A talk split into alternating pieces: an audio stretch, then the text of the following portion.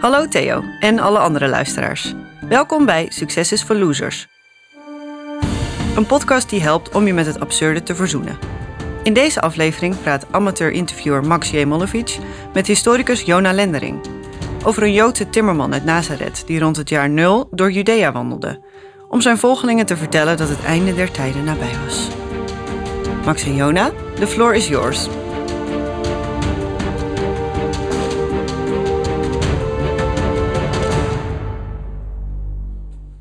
Jezus van Nazareth, wie kent hem niet?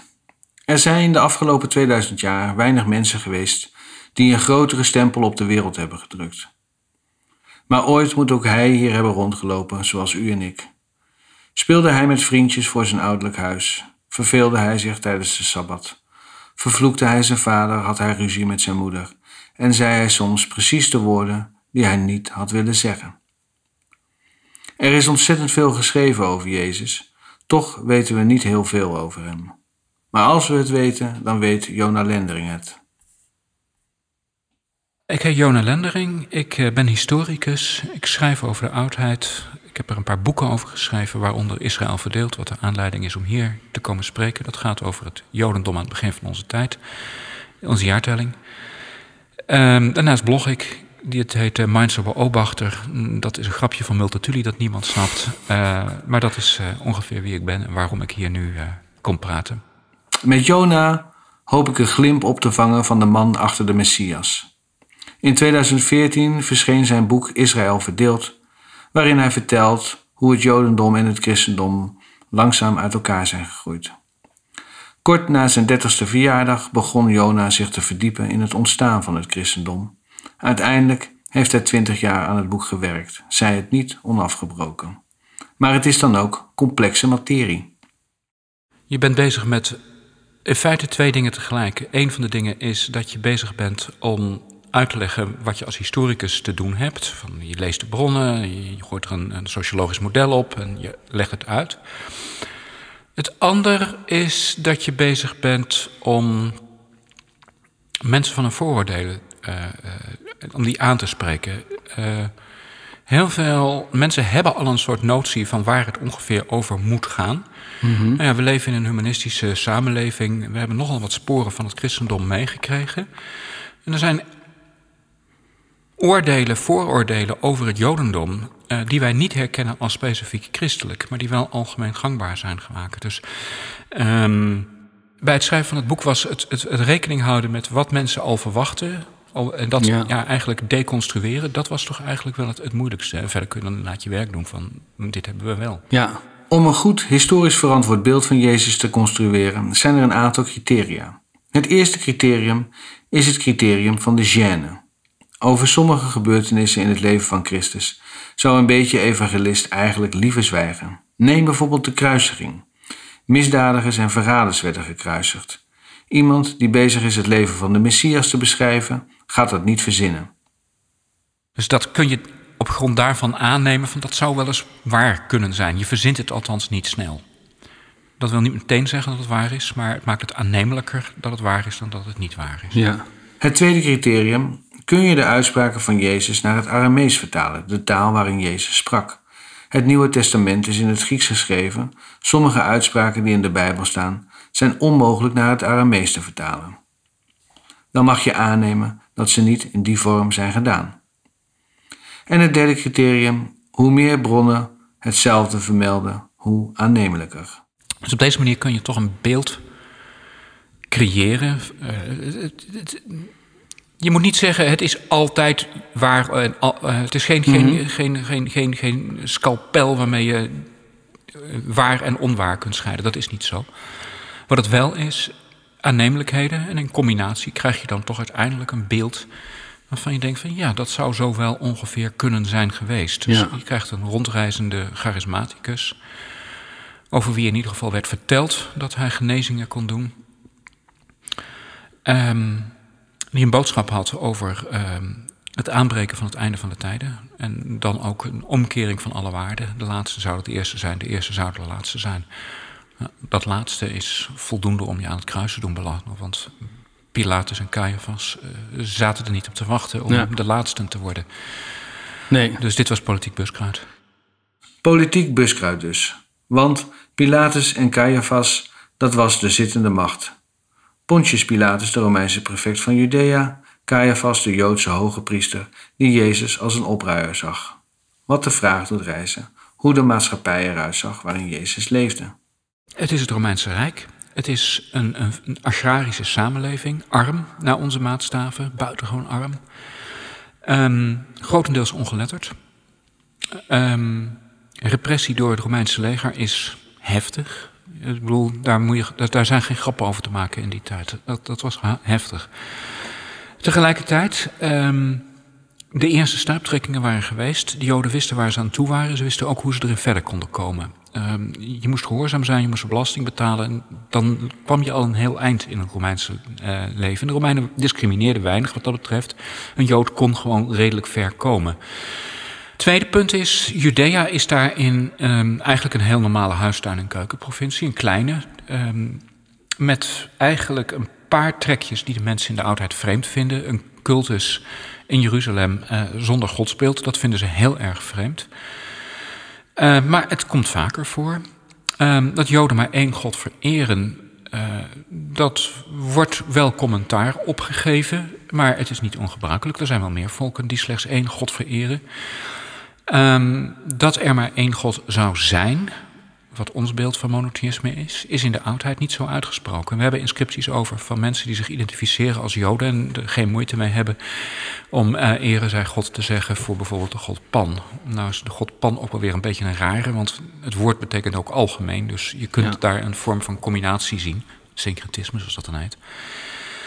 Um, men vindt dat de Joden wonderlijke gebruiken hebben, zoals geen varkensvlees eten, maar dat doet de hele Levant niet. De Syriërs en Egyptenaren doen dat ook al niet. Uh, besnijdenis, nou, dat doen ze in Egypte ook. Dus de Joden zijn niet echt een, een super vreemd volk. Maar één trekje, dat is wel opvallend, ze hebben een boekengodsdienst. En dat is iets wat eigenlijk de Joden als enige hebben. Een boekengodsdienst? Een boekengodsdienst. Dat, dat is echt een heel aparte trek die de Joden onderscheidt van andere volken. En Um, voor Joden is heel belangrijk. Zij zijn dus het uitverkoren volk. En omdat jij al de genade van God hebt ontvangen, dat jij dus een uitverkoren volk behoort, probeer je je ook een beetje netjes aan de regels te houden. En daar komt dus die hele discussie over die regels uh, ja. vandaan. En dat is dus niet punten scoren voor het hiernamaals, zoals het wel wordt uitgelegd. Uh, maar het is eigenlijk een, juist omdat je weet dat je een, een, een plaats krijgt in de wereld ja. die zal komen.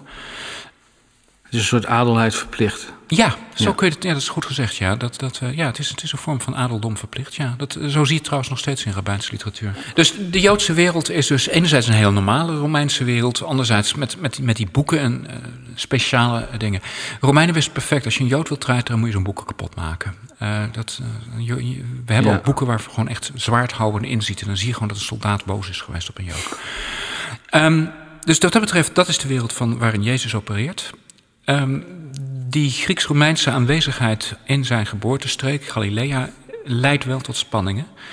We weten dat op het platteland in, uh, in Galilea, daar is. Um, de boeren gebruiken geen Romeins aardewerk, terwijl ze dat goedkoop kunnen krijgen. Maar ze houden toch een beetje vast aan hun eigen uh, aardewerksoorten. En dat, dat lijkt toch een archeologisch aan te geven dat men zich niet meteen tot de Romeinse uh, cultuur aangesproken voelde. Nee. Wat je ook weet over Jezus' eigen wereld, uh, dat kun je afleiden uit de namen van uh, zijn familieleden. Zijn ja. moeder heet Mirjam, Maria, zijn vader Jozef. Hij heeft broers, Jacob, dat soort namen. Ja. dat zijn allemaal namen uit Exodus Genesis. Ja, ja. Dus het zijn, zijn vroege namen uit een hele oude laag van het Jodendom. Ja. Er zitten bijvoorbeeld geen Griekse namen tussen. En dat uh, had je wel veel toen? Ja, die waren heel gebruikelijk. Ja. Dus uh, we hebben ergens iemand die heet Bartholomeus. En dat is Ptolemeus. Dat is gewoon een, een Griekse naam die die man heeft. Ja. Um, maar wat kan je daaruit aflezen? Nou ja, dat, dat hij dus tot. Ja, nou, het is, vergelijk het met een Nederlandse familie waar ja. mensen bijbelse namen hebben. Uh, dan denk je vrij snel van, nou, dat zou wel een heel christelijk ja. gezin zijn. En in dit geval heb je dus een gezin, oer-Joodse, oer-Joods uh, ja. terugkeren naar een, een, een oer-Jodendom. Heel bevindelijk. Dus dat is de wereld waarin Jezus geboren wordt. En het is een wereld waar bovendien ideeën beginnen te circuleren van. Uh, uh, het koninklijk huis functioneert niet. Men heeft al anderhalve eeuw ervaring met slechte uh, koningen. Uh, Herodes als beruchtste mm -hmm. voorbeeld. En het verlangen naar een goede koning, dat is vrij groot. En die iemand wordt dan de, de zoon van David genoemd, de Messias. De man die de Messias werd genoemd, was de zoon van Jozef en Maria. Nu had ik altijd begrepen dat Jezus niet op gebruikelijke wijze was verwekt, maar helemaal zeker weet ik niet of ik de onbevlekte ontvangenis goed begrepen. Nou, dat is een beetje ingewikkeld, maar het komt erop neer dat in het antieke denken um, kan iets goeds niet uit iets slechts uh, voortkomen. Um, een God kan alleen maar geboren worden uit iets dat zelf goddelijk is. Dus Maria moet op een of andere manier hoger zijn dan gewone mensen. En het idee is dus dat Maria vrij was van de erfzonde en dus kon zij in feite het, het, het, het instrument zijn waardoor een godheid geboren kon gaan worden. Maar het is een betrekkelijk laat idee uh, dat, uh, waar we het nu over hebben. Het speelt in, uh, in het Nieuwe Testament zelf bij mijn weten geen rol. Het speelt zelfs in zoverre geen rol dat in Lucas de stamboom van Jezus begint bij zijn vader Jozef en eindigt bij Adam, de eerste mens. Oftewel, God was hooguit in overdrachtelijke zin de vader van Jezus, zoals hij de vader van ons allemaal is. En Jezus was een kind van God, zoals elk mens een kind van God is. Het zijn beeldspraken die destijds gebruikt zijn om iets tot uiting te brengen. Ja. De moeder van Jezus was blijkbaar binnen de vroege gemeenschap van christenen belangrijk. Dus krijgen ze een titel en ja, dat ja. wordt later dan weer letterlijk genomen. Ja. Het is wel zoiets als uh, bij de Ronde van Frankrijk gaan vragen van waar fietst nou die man met die hamer? Ach ja, de man met de hamer. Zoals bekend was Jezus timmerman voordat hij als charismatisch leider door Judea ging wandelen, net als zijn vader. Jozef bedoel ik dus, niet God. Hoewel ze volgens Jona geen timmerman waren zoals ik die in gedachten had. Ze maakten geen kastjes of kruidenrekjes. Hij heeft gewerkt op de bouw. Dus het, het is geen schrijnwerker. Nee, dus, nee. Oh, het is dus echt een, uh, het is, uh, op, een bouwkundige. Op bouwplaats. Oh, ja. Ja, ja. ja, Hij bouwde huizen, dat soort dingen. Hmm. En uh, er is werk genoeg geweest, want Nazareth ligt vijf kilometer van Sepphoris. Daar werd een stad gebouwd. Dus er was werk genoeg. Aha. En uh, de groep rond Jezus is niet arm. Het, het, uh, het idee van vissers in. Ja, dat zijn wel vissers in de zee van Galilea. Ja. die dus de pachtsom kunnen betalen. om ja. daar te mogen vissen. Dat zijn geen arme lui geweest. Die nee. konden een jaar ertussenuit knijpen. om eens.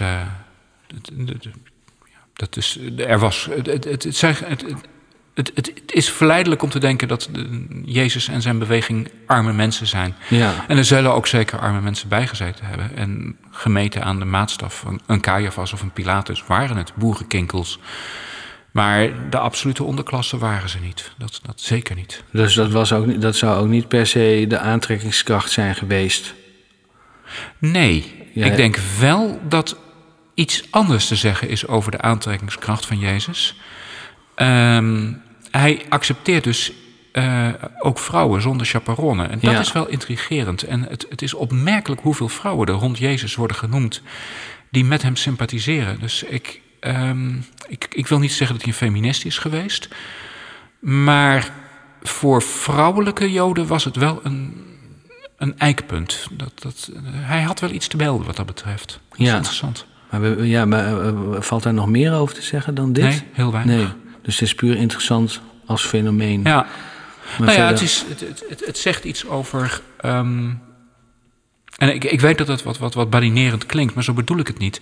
Jezus had een zeker organisatorisch vermogen. Hij wist rijke weduwen te vinden om te financieren. Ik bedoel, het is niet makkelijk als je Jezus met zijn leerlingen op, over de vloer krijgt. Dat vergt nog wel wat logeerkamers en dergelijke. Dus het, dit zijn geen arme mensen die Jezus steeds opvangen. En nee. Hij wist dat blijkbaar aan te boren. En het feit dat zijn beweging, zijn kruisiging overleeft, duidt erop dat hij een redelijke organisator is geweest. Ja. Die wist hoe je een organisatie in elkaar moest schroeven op zo'n manier dat het wegvallen van de centrale figuur, dat dat um, gepareerd kon Ja. worden. Een chaperonne is een oudere vrouw die een jonge vrouw begeleidt bij het naar buiten gaan, waarmee we weer bij het Gêne-criterium terug zijn. Dat Jezus in zijn gevolg vrouwen zonder chaperonne had, was zo ongebruikelijk dat het niet snel verzonnen is. We gaan er even uit voor een boodschap van huishoudelijke aard. Max, over naar jou. Dank je, Max. Ik sta hier in de testruimte van de Podcast Factory, waar ook Succes is voor Losers wordt geproduceerd. Maurits Colijn geeft me een rondleiding. Maurits, leg even uit waar we zijn. Sst, we zijn in de testruimte van de Podcast Factory. Oh, Eh, sorry. Wat wordt hier getest dan? Wat wordt hier getest? Geluiden natuurlijk. Geluiden? Wat voor geluiden? Wat je maar kan bedenken. Van een blikje dat open gaat. Tot een wolk die langs drijft. Er zit hier continu een panel van drie mensen. Die elk geluid dat wij produceren test op authenticiteit en sensitiviteit. Ah, ongelooflijk. Wat leuk om te weten. Wil je nou ook een professionele podcast? De Podcast Factory helpt je graag. Hoeft helemaal niet zoveel te kosten. Kijk zelf maar op podcastfactory.nl. Klinkt goed, toch? Dat klinkt zeker goed. Maar waar waren we? Anyways, we weten nu dus dat Jezus een people's manager was. Een charismatische wonderdoener met een groot talent voor leiderschap. Iemand die een steeds groter gevolg achter zich krijgt. En dan komt hij bij Johannes de Doper aan. Maar goed, hij komt bij eh, Johannes de Doper aan. Ehm, die kondigde het, het, het einde van de tijden aan, of in ieder geval eh, de wereld die zou komen, stond op het punt om te gaan beginnen. Eh, je kon daar binnenkomen als je ritueel rein was. En daarvoor moest je dus een, een, een doop ondergaan in een levend water van een rivier. Nou, er is maar één rivier die ze bij de hand hadden, dat was de Jordaan. Bes- bes- bes- dat, eh, dat idee bestond al? Ja, Van de ja. doop? Ja, dat is ook goed ge- gedocumenteerd. Dat ehm, waterrituelen in het toenmalige Jodendom kennen we vrij goed. Dat is Ja. de Mishnah, dat is de eerste optekening van rabbijnse wijsheid. Het geeft een hele opsomming van de soorten water en de rituele reinheid die zij tot stand kunnen brengen. En dan is een doop in de rivier is toch wel het beste wat je kunt krijgen.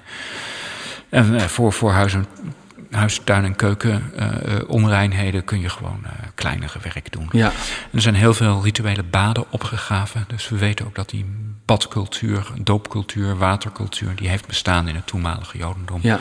Als je nu naar Jeruzalem gaat, dan kun je dus bij het, eh, ehm, even ten zuiden van de Tempelberg... daar is ook nog gewoon zo'n ritueel bad te zien. En je weet gewoon van, dit is gebruikt door mensen die opgingen naar de tempel. Ja. Fantastisch.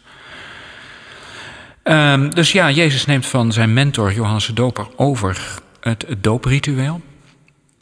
Het wordt maar één keer genoemd eh, in het Johannesevangelie. Ehm, maar het komt ook voor in de vroege kerk. Eh, dus we nemen aan dat als het in het Jodendom voorkomt, het wordt één keer genoemd over Jezus en het wordt in de vroege kerk gedaan, dan nemen we aan dat Jezus zelf ook mensen gedoopt zal hebben. Ja. Ehm, anders dan Johannes de Doper, die altijd blijft op de plek waar hij is, gaat Jezus rondtrekken. Eh, dus het koninkrijk van God komt naar de mensen toe. Dat is het eigenlijk een beetje. En hij heeft ook een hele positieve draai aan. Het is dus niet alleen maar ellende en moord en doodslag, oorlog, eh, epidemieën en whatever. Maar het is eh, uiteindelijk een, een, goed nieuws dat er gaat komen. Dat de nieuwe wereld zal beter zijn. Dat, dat is heel duidelijk bij. een, een- dat is wel een verschil met Johannes. Die Ja. is pessimistischer. Ja. Maar, maar Johannes, ja, dat, dat is ook natuurlijk allemaal Bijbel. Dat Johannes zegt van ik ben niet, ik ben het niet. Eh, De, hij komt nog. En dat is dan Ja, natuurlijk. eh, en dat we hebben christenen uitgelegd als dat is Jezus. ja, precies. En wat Jezus zelf heeft gedacht, dat is net wat lastiger. Ja. Ehm, het lijkt erop dat hij zijn optreden heeft gemodelleerd op dat van de eh, profeet Elia. Eh, maar dat zijn ook weer de verhalen die we vrij veel voorkomen. Het kan ook heel goed zijn dat ik evangelisten dachten... wij modelleren Jezus op Elia. Dus Ja. dat is een lastige. Ja. Maar eh, eh, het lijkt erop dat Jezus dus gewoon inderdaad het idee heeft gehad van eh, het, het, het kosmische drama staat op het punt om zich te gaan voltrekken. Er gaat iets, iets enorms gebeuren. En daarin speelt Jezus volgens eigen denken een rol. En hij moet daarvoor dus in Jeruzalem zijn. Ja. En daar is dus iets op een catastrofale manier verkeerd gelopen. Want hij is gearresteerd en zelf gekruisigd. Wat dat betekent, of hij in ontgoocheling gestorven is, zoals in het Marcus Evangelie wordt gesuggereerd, is heel moeilijk te achterhalen. Ja. Dat, eh, En daar zegt Paulus in zijn brieven ook verder niks. nou, hij bevestigt dat er een kruisiging is geweest. Ja. En eh, Paulus is er verder van overtuigd dat Jezus uit de dood is opgestaan. Ja, dat begint al met hem. Hij is de oudste aanwijzing daarvoor. Ja. Dat, dat christenen. Wat, er is. En dit is waar. Dit kan een historicus nog net voor zijn rekening nemen. Eh, op paaszondag, zeg maar, Ja. is er iets gebeurd. En eh, of dat nou een leeg graf is, dat, dat, dat, ja, het is. We hebben twee bronnen, dus het is niet één, Ja. maar het is ook niet zes. Eh, dus ja, dat, dat hangt er zo tussenin. En wat is dan naast Paulus de tweede bron? Nee, het is de Marcus-evangelie en het Johannes-evangelie hier. Oh, Die hebben het echt zo. expliciet over het lege graf. Ja.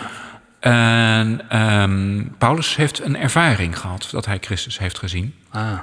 En dat lijken meer mensen te hebben uh, ervaren. Maar dat kan een collectieve zinsbegoocheling zijn als je een seculiere verklaring wil hebben hoor. Dat, ja, dat, nee, uh, Elvis wordt ook nog wel eens. Ja, precies. Ja, ja. ja. En, de eerste christenen hebben een, een ervaring gehad dat Jezus niet dood was. Of het kon gesublimeerd worden, in ieder geval de mislukking van de vrijdag daarvoor, de kruisiging. Um, daar is iets, ze hebben iets ervaren, dat, dat, dat is nog wel vrij sterk gedocumenteerd. En daarna hebben zij het idee dat Christus de volken zal gaan beoordelen, eh, het laatste oordeel. Nou, dat kan alleen op dat moment, dat idee kan op dat moment alleen een rol hebben gespeeld als het al tijdens Jezus' leven geformuleerd moet zijn geweest. Als Jezus alleen maar een, een, een, een, boodschap had gehad over er gaat iets geweldigs gebeuren en dan wordt hij gekruisigd, dan zouden de Joden hebben gedacht, uh, hij zal wel opstaan uit de dood. Om aanwezig te zijn bij de rechtvaardigen op het moment dat dat geweldige gaat gebeuren. Maar dat is niet het scenario wat plaatsvindt. Wat in feite gebeurt, is dat de mensen gaan denken: Jezus komt de volken beoordelen. Dat is zo specifiek, dat kan niet bedacht zijn op het moment dat ze iets, iets wonderlijks ervaren. Dat, dat idee moet al gecirculeerd hebben tijdens het Jezus, Jezus leven. Dus tijdens Jezus leven al moet hij gedacht hebben: het einde der tijden is nabij. Mm Hij heeft er ook op geanticipeerd. Het, het, samenstellen van een team dat we de, de twaalf noemen. Dat zal de leiders zijn van de twaalf herstelde stammen van Israël. En dan uiteindelijk dus, um, hij zou blijkbaar het laatste oordeel vellen. Of zo'n soort iets moet hij gedacht hebben. Zoals de mensenzoon in het boek Daniel.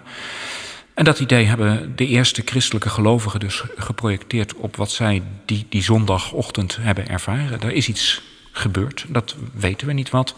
En nogmaals, uh, uh, je kunt hier zeggen, hier gaan de wegen van een bepaald type letterlijk christendom en de wetenschap gaan uiteen. Ik, ja, um, ja, dat is zo. Het einde der tijden waar Jezus het altijd over had, is er nooit gekomen. Nou ja, toen in het jaar 70 de Joodse tempel werd verwoest, leek het misschien nabijer dan ooit. Maar alles bleef min of meer zoals het was. De eerste bleven de eerste en de laatste de laatste. Maar langzaam maar zeker werd Jezus van Nazareth de centrale figuur in een van de grote wereldreligies. Het leven bestaat uiteindelijk voor heel veel mensen uit de dingen lopen niet zoals ze lopen moeten. Het gaat fout.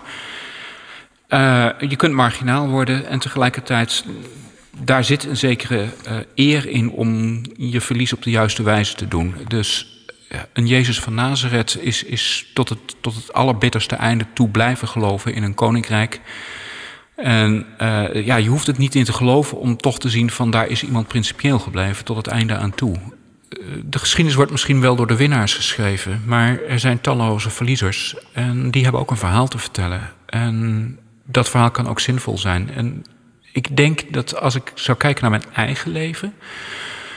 Um, dan vind ik het niet erg dat ik uh, maatschappelijk niet de toppen van de Olympus heb bereikt. Het, is, uh, het gaat er meer om dat je op een bepaalde manier de dingen doet op de wijze waarop je het zelf zou willen doen. En uh, maatschappelijk succes is niet altijd persoonlijk succes. Of de, je persoonlijke ontwikkeling kan een andere kant oplopen dan maatschappelijk succes is. Ja. Ik vind wat dat betreft altijd eh, de Big Lebowski wel een goed voorbeeld. Een man die eigenlijk. Ja. ja. het is iemand die eigenlijk aan alle kanten marginaal figuur is, maar de dingen wel op zijn eigen manier tot een goed einde weet te brengen. En ondertussen ja, gaat alles verkeerd. Maar ja, ja dat is toch wel een, bevalt me wel, dat, dat, dat beeld. Ach ja, de dude. Ook mijn alfa en omega. Maar goed, de dude wilde niet de zittende macht omverwerpen. Hij wilde enkel zijn tapijt terug. Daar wilde hij wel het een en ander voor opofferen, maar niet alles, denk ik.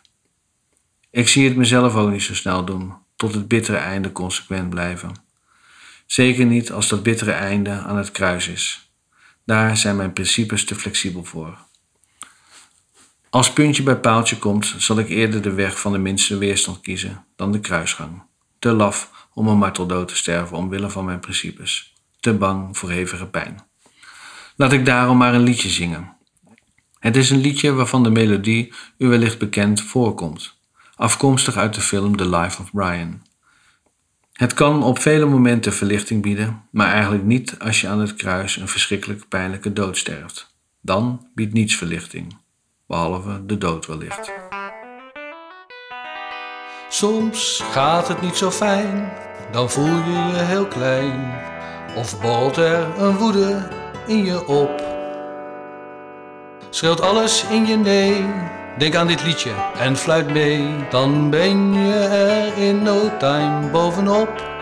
Want achter de wolken schijnt altijd de zon.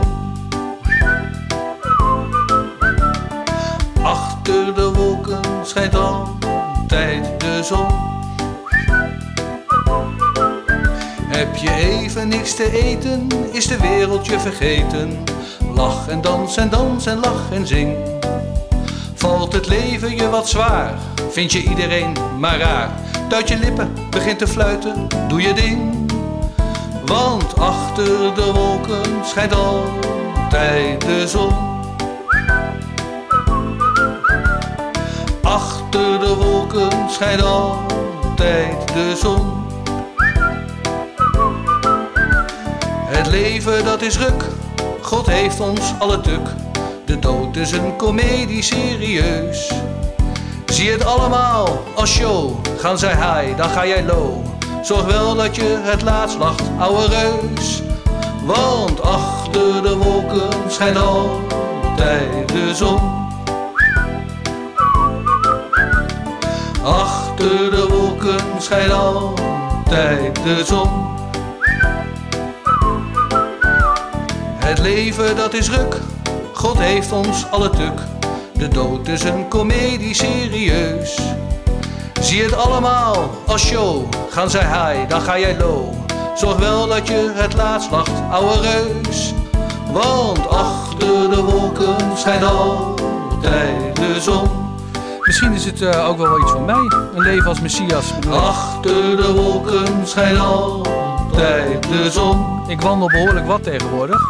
In mijn eentje, niet met twaalf man. Achter de wolken schijnt altijd de zon. En heel erg veel wonderen heb ik ook nog niet verricht. Maar goed, wat niet is kan nog komen. Achter de wolken schijnt altijd de zon. Nu alleen nog even een eh, goede boodschap verzinnen. Ja, misschien eh, dat succes iets voor losers is. Achter de wolken altijd de zon. De dude is mijn God. En ik ben zijn profeet. Achter de wolken altijd de zon. Maar eh, laat ik eens gaan afsluiten. Anders wordt u ook maar tureluurs. Oh, achter de wolken schijnt altijd de zon. Ik bedoel, we kunnen zo nog uren doorgaan, maar er heeft niemand wat aan. Dus laten we stoppen. Nu. Nu echt. Nu dan. Stoppen? Kan het? Stoppen? Hallo? Kunnen we stoppen? Hallo? Hallo? Stoppen? Joe, hey! Letten we nog op daar? Stoppen! Ik heb het gehad! Ik wil weg hier! Fijn. Succes is voor Losers is een samenwerking tussen de Podcast Factory en Meijer Monovic, makelaars in goede ideeën. Onze dank gaat uit naar Jona Lendering voor zijn tijd en kennis en naar Erik Idol voor de melodie van het eindlied. Aan deze podcast werkten verder mee Reiner van Zalk, Tijmen Geurts, Jesper Heling, Maurits Colijn, Mark-Joost Meijer, Max J. En Brit Kaandorp. Het artwork is van Meijer en Monovic, alle muziek van Earforce. Vond je het leuk om naar te luisteren? Vertel het aan je vrienden, familie, collega's en volgelingen. Later, losers!